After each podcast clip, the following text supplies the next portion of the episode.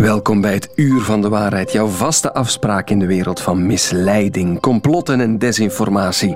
Weet je nog, toen de videoscheidsrechter werd ingevoerd in het voetbal, die zou alles eerlijker maken. Supporters twijfelen daaraan. Wat zegt de wetenschap? De manier waarop jij dat beoordeelt kan natuurlijk wel verschillend zijn van de manier waarop Peter van den Bemt dat beoordeelt of ik dat beoordeel. Hoe misleidend zijn dure treintickets en goedkope vliegtickets? Als je kijkt naar de ontwikkeling van het hogesnelheidsnetwerk in, in China, is dat echt geëxplodeerd. Met als gevolg dat zelfs prijzen van vliegtickets zakken. En mogen we musea geloven als ze zeggen dit schilderij is van deze kunstenaar? Er zijn brieven van Rubens bekend waarin dat hij zegt van kijk, het is grotendeels door mijn atelier gemaakt, maar ik heb er naar gekeken. Het uur van de waarheid. Met Dennis van den Buis. Heb je dat ook gezien? Je kan er niet naast kijken. Een toch wel historische beslissing op de klimaattop in Dubai. Er gaat geleidelijk aan een einde gemaakt worden aan het financieren en subsidiëren van fossiele brandstoffen. Maar ik heb toch nog eens eventjes gekeken. Als ik nu een midweekje ertussenuit wil, bijvoorbeeld naar Barcelona over twee maanden, dan betaal ik met de trein daar 400 euro voor, heen en weer. Het vliegtuig 65. Milaan, heen en weer 260 met de trein, met het vliegtuig 44 euro. Met andere woorden, daar zit toch een groot misleidend verschil tussen die prijzen. Hoe komt dat eigenlijk? Arie Stoffelen is bij mij professor geografie en toerisme aan de KU Leuven. Arie, goedemorgen. Goedemorgen. Ja, die prijzen, dat is een gigantisch verschil. Zijn dat echt de kostprijzen die ik dan betaal voor die maatschappijen?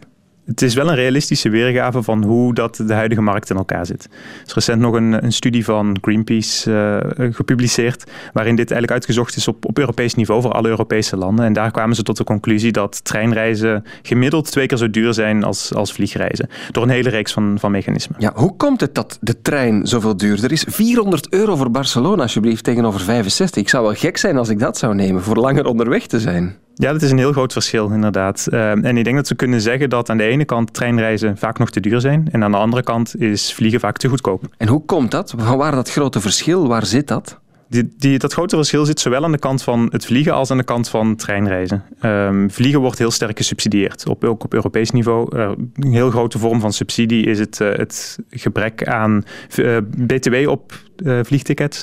Het niet heffen van accijnzen op kerosine. En dat geeft, een recente studie, een studie uit 2022, heeft dat berekend, een belastingvoordeel, een indirect belastingvoordeel van 35 miljard euro voor de luchtvaartsector. Dat is een voordeel. Ze moeten ook geen belasting op tickets betalen. Treinen moeten dat wel doen, of treinpassagiers. Dat, is, uh, dat hangt af van land tot land. Dus binnen landen vaak, uh, vaak wel. Voor internationale treinreizen in sommige landen niet, in sommige landen wel. Ja, maar 34 miljard zeg je, als je dat wegneemt, hoeveel duurder zou een reis dan zijn naar Barcelona bijvoorbeeld? Dan zou een reis naar Barcelona een, een veelvoud kosten van wat het vandaag kost. Dan ga je de echte de bodemprijzen zou je er dan, er dan uithalen. Ja, en er zijn nog subsidies blijkbaar? Er zijn nog subsidies, ja. Um, een belangrijke subsidie, met name voor lage kostmaatschappijen, um, zijn subsidies om te mogen vertrekken en te mogen landen vanuit bepaalde luchthavens. En je ziet dat de lage kostmaatschappijen vaak niet vanuit de, de grote nationale luchthavens vertrekken, maar vanuit eerder regionale luchthavens. Charleroi is bekend in ons land, want daar gaat het ook over. Die goedkoopste tickets, dat is een Ryanair bijvoorbeeld van op Charleroi.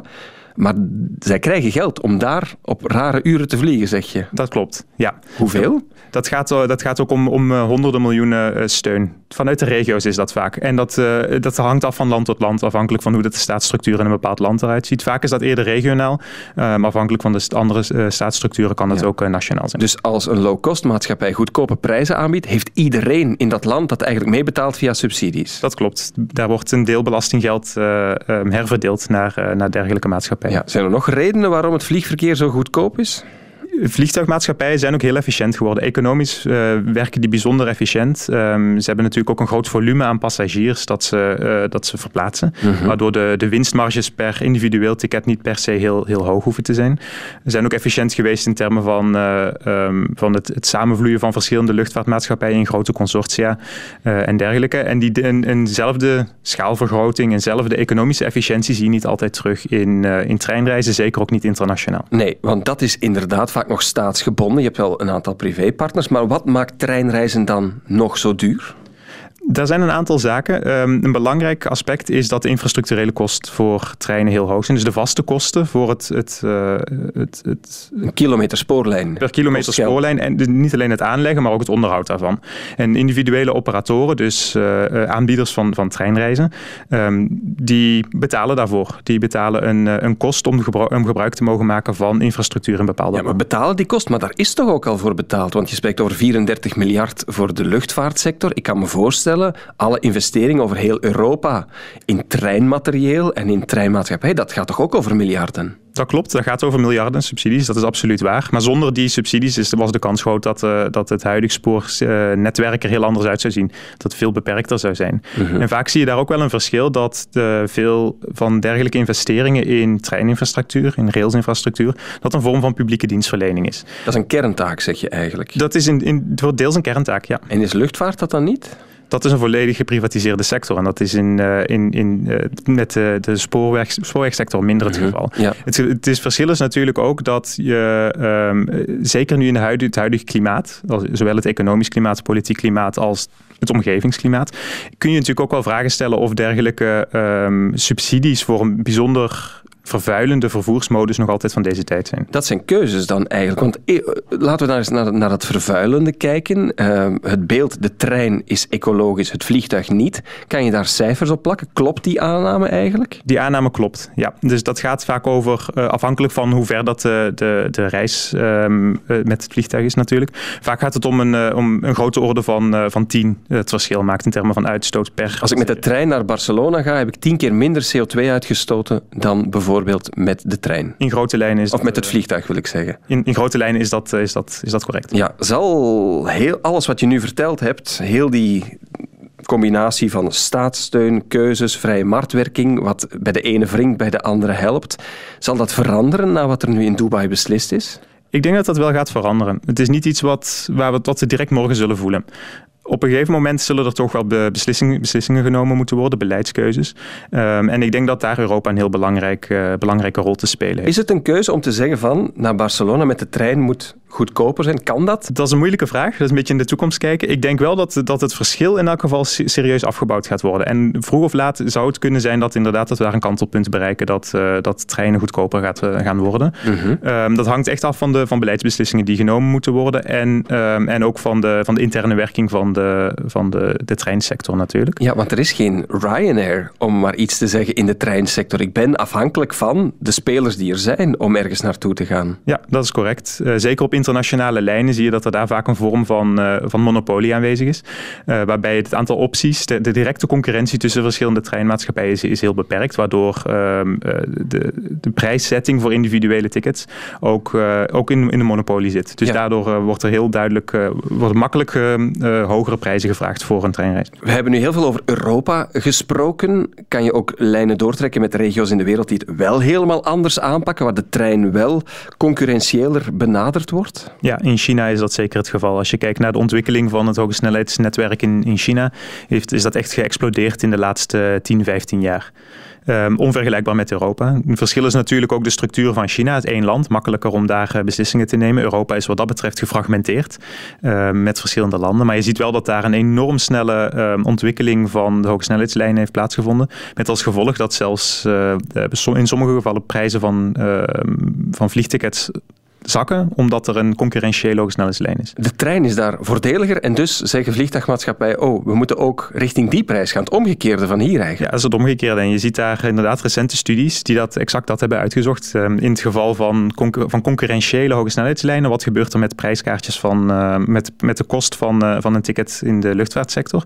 En soms zie je dat die daadwerkelijk zakt als gevolg van een, de aanwezigheid van een concurrentiële hogesnelheidslijn. Ja, want dat is de kern van de zaak. Natuurlijk, heel veel mensen horen die grote beslissing in Dubai kijken dan naar hun eigen reis en stellen vast, ja, met die prijzen en dat tijdsverschil, dat ga ik niet doen. Ja, klopt. Ik denk dat er daar wel iets kan veranderen. En je ziet ook wel dat er, dat er daar verschillende strategieën gevormd worden of gevolgd worden. De treinen moeten meer en meer inzetten op de, te zeggen van ah ja, die, die reistijd is geen verloren tijd. Dat is kwalitatieve tijd waar je daadwerkelijk nog iets kunt doen. Um, je, met, een, met een trein word je ook van deur tot deur gebracht bijna, van stadscentrum naar stadscentrum. Als je dan een efficiënte internationale lijn hebt, bijvoorbeeld rechtstreeks van Brussel naar, uh, naar Barcelona in zes uur, dan denk ik dat dat nog altijd concurrentieel kan zijn, ook in de perceptie van mensen. Zeker als je dat dan koppelt aan lagere prijzen. Want is dat bestudeerd? Is er ergens een psychologische grens van dit wil ik wel meer betalen om groener te zijn in ruil voor ja, net iets minder comfort? Want hier, hier is het verschil te groot eigenlijk. Hè? Uh, het verschil is heel groot. Dat is, wat zou het moeten zijn om toch in de hoofden van mensen aantrekkelijk te zijn? Is dat bestudeerd? Voor zover ik weet niet. Er is denk ik geen zogenaamde, dat is een, een zogenaamde willingness to pay studie. Um, ik ben niet op de hoogte van een willingness to pay studie over hoeveel uren en gekoppeld aan welke kost treinreizen internationaal een, uh, een uh, competitief zou maken als keuze ten opzichte van vliegtuigen. Maar er is veel marge om toch de dingen naar elkaar te laten toegroeien, want de prijs is misleidend. We betalen toch heel veel meer eigenlijk voor zo'n vliegtuig dan er in dat ticket vervat zit, zo blijkt. Professor Arie Stoffelen van de KU Leuven, dank om bij ons te zijn. Graag gedaan. Weet je nog toen de VAR werd ingevoerd in het voetbal? De videoscheidsrechter die zou alles eerlijker maken, betere beslissingen. Maar elke week is er discussie. Deze week over Club Brugge. Maar zoals we intussen weten heeft de VAR de verkeerde beslissing van de lijnrechter niet gecorrigeerd. En ja, dit is nu toch wel echt het moment waarop ik afhaak, moet ik toegeven. Het is simpelweg onprofessioneel, onverantwoordelijk gedrag. Zelfs Peter van den Bemt haakt af. Afgekeurd doelpunt dat eigenlijk mocht doorgaan tegen KV Mechelen. Club Brugge wil de match ook opnieuw spelen. Rees bij ons de vraag, heeft de VAR het voetbal ook eerlijker gemaakt? Geleid tot betere beslissingen. Professor Werner Helsen van de KU Leuven is bij ons sportwetenschapper die ook verbonden is aan de UEFA en alle gegevens in de Champions League bijhoudt over de VAR. Werner, goedemorgen. Goedemorgen iedereen. Werner, maakt de VAR het voetbal nu eigenlijk eerlijker? Want als je de discussies hoort, veel twijfel daarover, hè? Wel, ik heb dat fragment van Peter uiteraard ook gehoord en uh, ik ben het daar ook mee eens. En het is heel jammer dat uh, dergelijke fouten uh, nog gebeuren. maar zolang een sport gespeeld en geleid wordt door mensen, zullen er uiteraard ook wel fouten blijven gebeuren. Wat we ook doen om die te vermijden. Ja, maar wat we doen is de VAR erbij betrekken onder het mom, zowel op het WK als in de Champions Champions League als in eigen uh, competitie. Het gaat verder worden met minder foute beslissingen. Wat zeggen de cijfers? Absoluut, en daar is, uh, dat, is, dat valt niet te, te ontkennen. Uh, we hebben daar heel wat onderzoek rond gedaan. We waren ook betrokken met mijn onderzoeksgroep bij het wereldwijde VAR-project toen dat werd geïntroduceerd. We hebben toen meer dan 2000 uh, wedstrijden geanalyseerd. En de accuraatheid die nam toen toe van 92,1% naar 98,3%.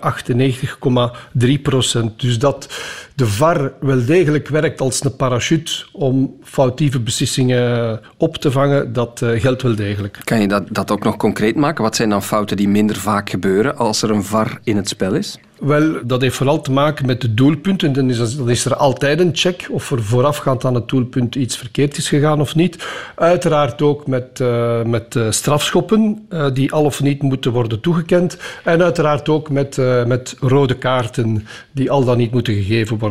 Kan je daar cijfers op plakken? Want voor de Champions League monitor jij dat. Hè?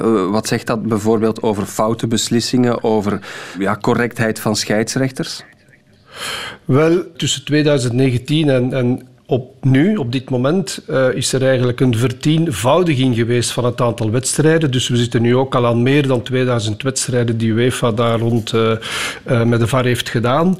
En als we dat vergelijken met het, het allereerste onderzoeksproject dat we hebben gedaan, toen zagen we eigenlijk een fout optreden elke drie wedstrijden, terwijl er nu nog maar een fout zich voordoet, in principe één fout op 15 wedstrijden. Ja, dus dat verbetert dan met de VAR, maar als ik het afleid uit alle analyses analyses en het vele gezeur ook van voetbalploegen, dan heeft die VAR niet tot het gevoel geleid de sport is verder geworden. Uh, wel, in elk geval is het zeker en vast uh, verder geworden, omdat die grote fouten uh, wel degelijk gefilterd worden door de VAR. Wat die wegneemt dat er nog altijd veel discussie is. En men had oorspronkelijk gedacht dat het invoeren van de VAR misschien zou kunnen leiden tot geen discussie of minder discussie. Dat blijkt niet zo te zijn. En daar is ook een heel logische uitleg voor in die zin dat ongeveer 20% uh, van de, van de beslissingen nog altijd een menselijke interpretatie zijn. Ik bedoel, dat is niet zwart-wit. Men heeft drie categorieën bij het beoordelen van een fout. Die kan careless zijn, reckless of excessive force. Dus onzorgvuldig of roekeloos of met uitzonderlijke kracht. En de manier waarop jij dat beoordeelt kan natuurlijk wel verschillend zijn van de manier waarop Peter van den Bemt dat beoordeelt of ik dat beoordeel. Dat kan inderdaad de reden van discussie zijn, ja, uh, absoluut. Maar je hebt ook uh, andere sporten zoals hockey en rugby waar ook een VAR is en daar is nadien nooit discussie. Dat zijn heel eerlijke, open communicaties. Je ziet dat zelfs op het scherm in het stadion en thuis, waar dan toch nog een verschil op zit met het voetbal. Hoe komt dat? Wel, ik, ik, ik, volg het ook, het hockey op de voet. En ook in hockey zijn er toch wel, uh, toch wel discussies. In het rugby is dat misschien iets anders, omdat daar het gedrag uh, van de spelers uh, en ook van de supporters toch wel anders is dan, dan we kennen in het voetbal. Maar ik geef graag een voorbeeldje van, van de voorbije legendarische wedstrijd van, uh, van Antwerpen tegen Barcelona, waarbij de reporter, de verslaggever Aster, toch wel heel duidelijk misbaar maakte van de rode kaart die werd ingetrokken. Terwijl in dat geval het heel duidelijk is dat foot on step uh, moet leiden tot een gele kaart in plaats van een rode kaart. Dus de VAR-interventie van Paulo Valeri, met wie ik na de wedstrijd nog in contact heb getreden, was wel degelijk een correcte interventie. En de sportverslaggevers zouden daar ook moeten van op de hoogte zijn. Ja, ze moeten daar, uh, zeg je eigenlijk, objectiever dan, dan over oordelen. Want er is veel stemmingmakerij. Dat werd ooit gezegd, de VAR gaat dat uit de wereld helpen. Moeten er nog stappen gezet worden om dat toch te bereiken? Kan AI daar bijvoorbeeld een rol in spelen? Ja, inderdaad. Uh, ik heb ook contact gehad met een onderzoeker van de Universiteit van Luik, die nu een VR-systeem aan het ontwikkelen is uh, met behulp van artificiële intelligentie. En dat kan op termijn zeker wel, wel helpen. Langs de andere kant is er ook uh, deze week nog een publicatie uitgekomen die uh, een robotbeslissing vergelijkt met een menselijke beslissing. En daaruit bleek toch ook wel dat de fans uh, eerder geloofwaardig vinden om te luisteren naar een menselijke beslissing dan wel naar een beslissing die genomen wordt door een computer. Mm -hmm. Speelt dat ook heel hard mee? Het, het, aanvoelen, er is een VAR, nu moet het 100% zijn en dat fans misschien extra teleurgesteld zijn als er dan toch nog een menselijke dwaling of scheidsrechterlijke dwaling komt? Ja, ja, inderdaad. Maar die, die, druk, die druk is er ook natuurlijk voor de mensen die als VAR uh, acteren. Hè. Ook zij weten dat er in principe zero error is, dat ze geen fouten mogen maken. En dat verhoogt natuurlijk wel het, uh, het stressgevoel. Mm -hmm. Maar daar moeten ze leren mee omgaan, uiteraard. Ja, ik heb ook wat research gedaan. Er wordt heel veel onderzoek gedaan naar de rol van de VAR. Zo las ik ook in een studie in Duitsland. Dat blijkt dat het thuisvoordeel een beetje uitgevlakt wordt. De VAR maakt het voetbal wel neutraler of objectiever. Ja, inderdaad. En daar straks vroeg je me of uh, de VAR heeft bijgedragen tot meer fair play. Ik denk dat dat daar inderdaad wel een mooi voorbeeld van is. Dat men leert om eigenlijk nog objectiever uh, te oordelen en minder beïnvloed te worden door wat er uh, op en rond het terrein wordt gezegd. Ja, jij zit mee bij de UEFA in de cockpit als het gaat over beslissingen rond de VAR um, in de Europese voetbalcompetities. wat gaat er de komende jaren nog bewegen of veranderen daarin, denk je? Wel, wat we ook wel gezien hebben die voorbije jaren, is dat de duur uh, van een interventie toch wel uh, serieus is afgenomen. Want dat was ook een van de opmerkingen bij aanvang van het project. Ja, dat gaat leiden tot veel te veel tijdsverlies. Maar uh, dat blijkt helemaal niet zo te zijn, want de grootste tijdverliezen hebben te maken met rechtstreekse vrije trappen, inworpen, doeltrappen, hoekschoppen, vervangingen. En dus het tijdsverlies dat opgelopen wordt door de, door de VAR staat niet eens in de, in de top 5. Wat dat niet wil zeggen natuurlijk dat we altijd moeten proberen om interventies zo minimaal lang mogelijk te laten duren. Ja. Tot slot, uh, misschien Werner, denk je dat we de VAR ooit volledig gaan accepteren zonder discussie het weekend na de matchen? Wel, hetzelfde geldt eigenlijk voor, voor de, de spelers en de coaches die beslissingen nemen. En, en veel beslissingen zijn gebaseerd op een menselijke interpretatie. En zolang die daarop gebaseerd zijn, zal er gelukkig wel discussie zijn. Want je kunt je wel inbeelden, in het geval van Antwerpen-Barcelona, dat met elke beslissing misschien 50% van de fans akkoord zijn, terwijl de ploeg waartegen de beslissing wordt genomen, die fans uiteraard het daar minder eens mee zijn. Dus die, eh, die discussie, ik, ik vermoed dat we die wel gaan, gaan, uh, gaan blijven hebben. Ja, er staat veel op het spel, is veel geld mee gemoeid en ook heel veel supporters inderdaad. Uh, voor wie het vaak op leven en dood gaat in hun supportershart. Werner Helsen, sportwetenschapper van de KU Leuven, verbonden ook aan de UEFA. Dankjewel voor je uitleg. Heel graag gedaan en voor iedereen een sportief en fijn weekend. Het uur van de waarheid. De VRT Nieuwscheck. Sommigen zijn druk bezig om pakjes te kopen om onder hun kerstboom te leggen. Anderen factchecken verhalen om anderen blij te maken. Luc van Bakel, een hele goede morgen. Goedemorgen, Dennis. Onze chef factchecking op de redactie van VRT Nieuws. Laten we nog eens naar het conflict in Oekraïne gaan, want ik lees op sociale media dat er heel veel verhalen de ronde doen over de grote luxe waarin een aantal Oekraïnse regeringsleden zouden baden. Ik weet wel niet goed of het klopt of niet. Wat moeten we daarvan denken? Ja, er gaan heel veel verhalen over rond. Hè. President Zelensky die zou recent nog enkele luxejachten hebben gekocht. Uh, klopte niet. Verschillende regeringslui die zouden ook dure villa's in Zuid-Europa hebben. Andere video's in verschillende talen die hebben het over luxe auto's en een villa in Madrid voor de familie uh, van de voormalige minister van Defensie, Oleksiy Reznikov is dat. Maar klopt dat wel? Dat vertelt collega Van Meldert. Nee, Reznikov heeft helemaal geen villa's in Frankrijk of Spanje gekocht. Dat blijkt ook uit onderzoek van verschillende nieuwsmedia en factcheckorganisaties. Zij hebben foto's van dezelfde villa's teruggevonden op IMO-websites, op het moment dat dus al werd beweerd dat Reznikov ze zou gekocht hebben. Nu, wat blijkt ook, de video's zijn eigenlijk ook deel van een heel groot Russisch netwerk op TikTok, dat aan de hand van duizenden nepaccounts probeert om Oekraïne in een slecht daglicht te stellen. Zien we dus regeringsvilla's op die video's? Nee, maar hoor ik Doreen ook zeggen, Luc, er is een groot netwerk van valse kanalen in zwang dan? Ja, dat uh, is een verhaal van onze collega's van de BBC uit Groot-Brittannië. Die hebben een, een netwerk blootgelegd van valse accounts. In totaal zijn er maar liefst 12.000 accounts ontdekt intussen. Uh, de meeste zijn intussen ook wel offline gehaald. En dat ging om accounts met vaak uh, valse profielfoto's. We zaten erbij met een foto van actrice Emma Watson. Maar wat deden die nu, Dennis? Die verspreidden allemaal verhalen om Oekraïne en de regering daar als onbekwaam en verspillend weg te zetten. Om eigenlijk te laten zien van kijk eens wat er met al dat westers geld gebeurt. Ze verbrassen het daar. Nu, volgens dat onderzoek is dat dus een gecoördineerd netwerk, vermoedelijk vanuit Rusland aangestuurd, zo vermeldt TikTok toch op haar uh, eigen website. Uh, dat netwerk was of is uh, nog steeds, dat weten we niet goed, actief in, in zeven talen. Nederland zit daar niet bij, maar wel Frans, Duits, Engels enzovoort. En dus eigenlijk allemaal met de bedoeling om de publieke opinie bij jongeren, want dat is toch het publiek dat op TikTok zit, mm -hmm. te beïnvloeden en eigenlijk Oekraïne in een slecht daglicht te stellen. Ja, gigantisch veel accounts. En we blijven op TikTok, want wat daar ook populair is, dat zijn gemberdrankjes, gembersap of gembershots.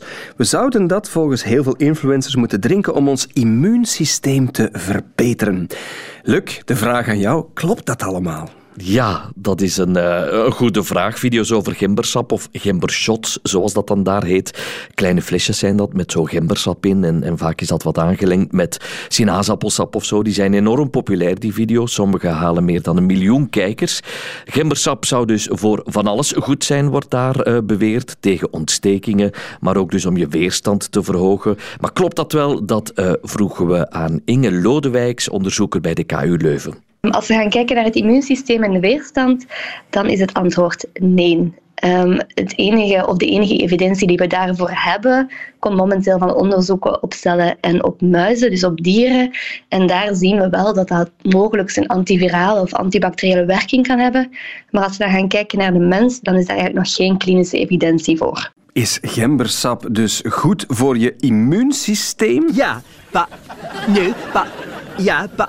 Nee, pas, ja. Iets te weinig bewijs voorlopig. Onderzoekers zien dan blijkbaar wel een positief effect bij muizen, maar dus bij mensen nog geen antwoord. Al is er ook wel gezegd, Luc, dat gember helpt tegen ontstekingen. Dat zie ik in die filmpjes opduiken. Is daar iets van waar? Ja, dat wordt alleszins ook beweerd. En uit onderzoek blijkt dat gember op zich inderdaad dus kan helpen tegen ontstekingen. Het doet de ontstekingswaarde in het bloed een beetje dalen.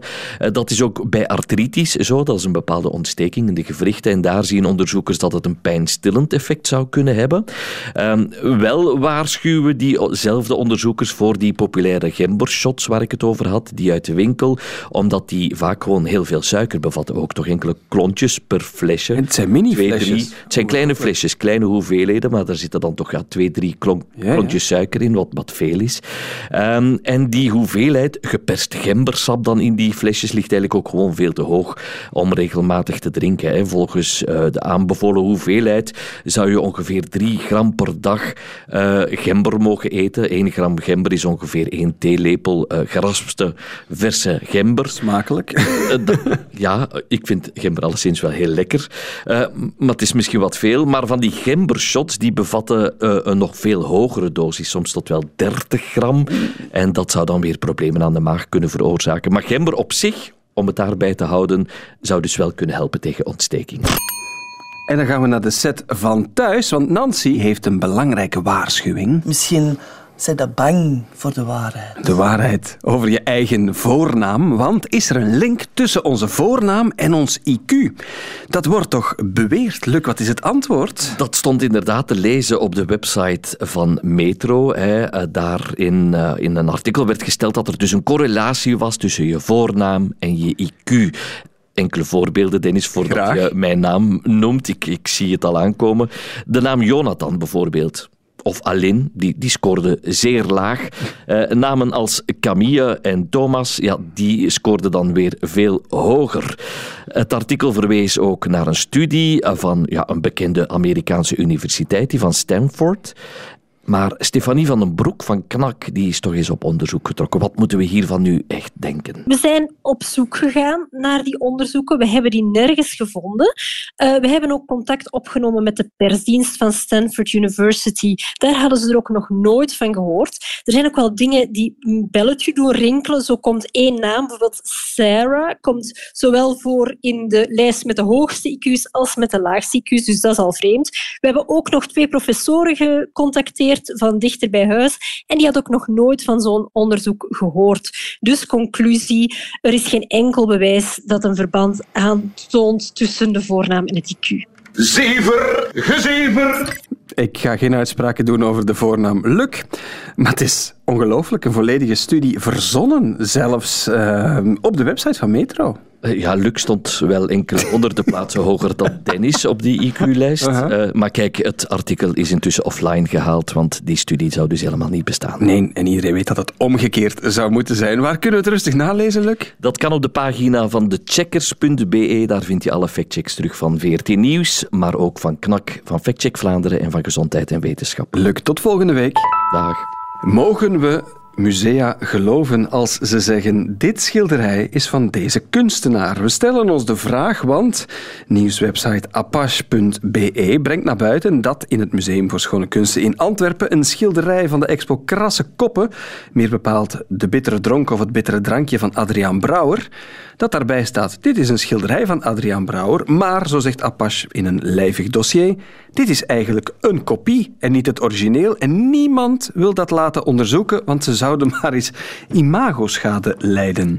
Wat is er daar allemaal van aan en wat zegt dat dan over andere schilderijen? Koen is bij ons. Koen Jonkheren, kunsthistoricus aan de UGent. Koen, goedemorgen. Goedemorgen. Misschien eerst dat schilderij van Adriaan Brouwer. Het is een, een Duits schilderij dat nu in bruikleen is in Antwerpen. Denk jij ook, zoals Apache, dat het een kopie is en niet het origineel? Niet echt. Ik, kijk, ik heb ze nooit naast elkaar gezien, dus ik heb ze nooit kunnen vergelijken zelf. Maar het is een schilderij wat al heel lang op naam van Brouwer staat. Wat door heel veel mensen al bekeken is, met enige kennis van Brouwer. En waar alle technisch onderzoek uitwijst dat het in elk geval contemporain is en dat er um, heel veel aan elementen zijn om aan te nemen dat Brouwer er op zijn minst iets mee te maken heeft. Mm -hmm. Wat zou het dan op zijn minst kunnen zijn als er iets mee te maken heeft? Want dat lees je ook vaak, hè? uit het atelier van of naar of uh, een kopie. Wat, wat, ja. Wanneer maak je het onderscheid? Um, kijk, mensen denken heel vaak door de ogen van iemand uit de 19e of de 20e eeuw in termen van origineel en kopie. Maar zo werkt het niet in de 17e eeuw. En misschien wel een beetje voor Brouwer, omdat hij niet zo heel veel geproduceerd heeft. Um, dat we heel weinig weten over zijn atelier. Maar kunstenaars als Rubens bijvoorbeeld, daar heb je alle gradaties. Hè, van 0% Rubens tot 100% Rubens. En alles ertussenin. En wanneer mag er echt Rubens naast staan, volgens jou?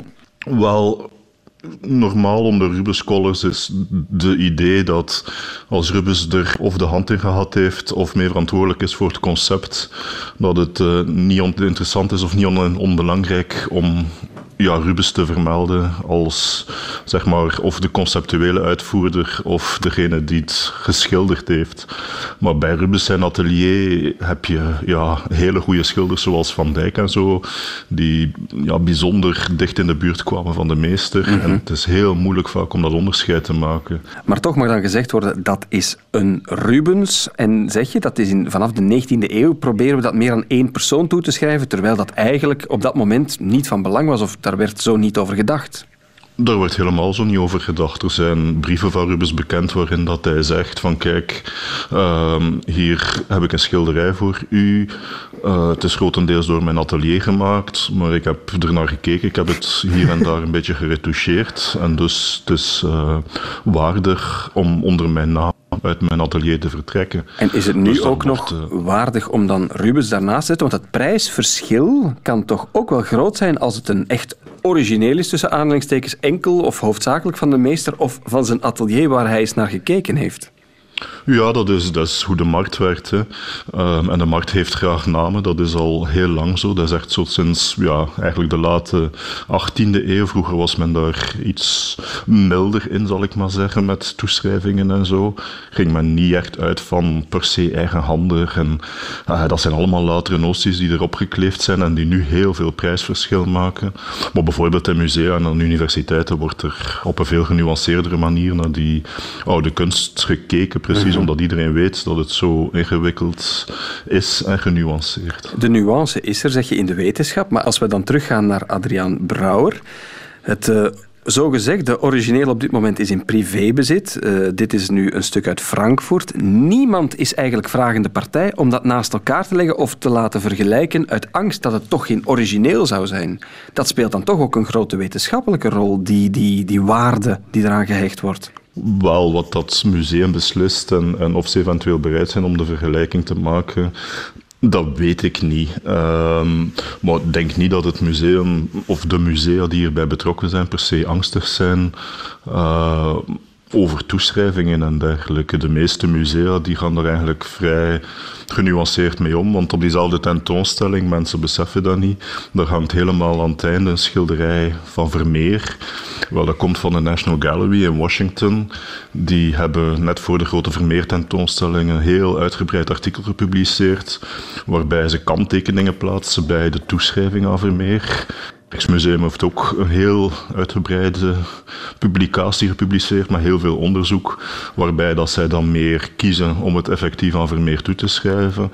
En dat toont aan dat, dat ook onder wetenschappers, onder onderzoekers, onder museummensen, dat er heel veel oog is voor nuances, zelfs als het over de absolute meesterwerken gaat. Zou je daar een, een, een percentage kunnen opplakken? Hoeveel schilderijen, als we het dan over die oude meesters hebben, in musea zijn echt van die oude meesters? Of hoeveel, hoeveel gaan we nog moeten aanpassen door onderzoek en toeschrijving de komende jaren? Oh, er zal, er zal de hele tijd aanpassing zijn.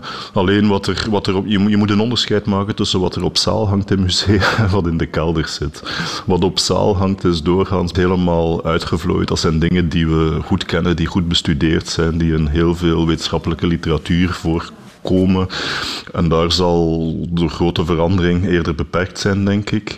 Maar in alles wat er ehm, in de kelders van musea zit, en dat is gigantisch, ehm, is er nog ja, oneindig veel onderzoek nodig om al die nuances uh, te kunnen en te leren aanbrengen. Mm -hmm. Hoe, hoe wordt dat dan onderzocht bijvoorbeeld? Wel, een van de technieken die gebruikt wordt is dendrochronologie.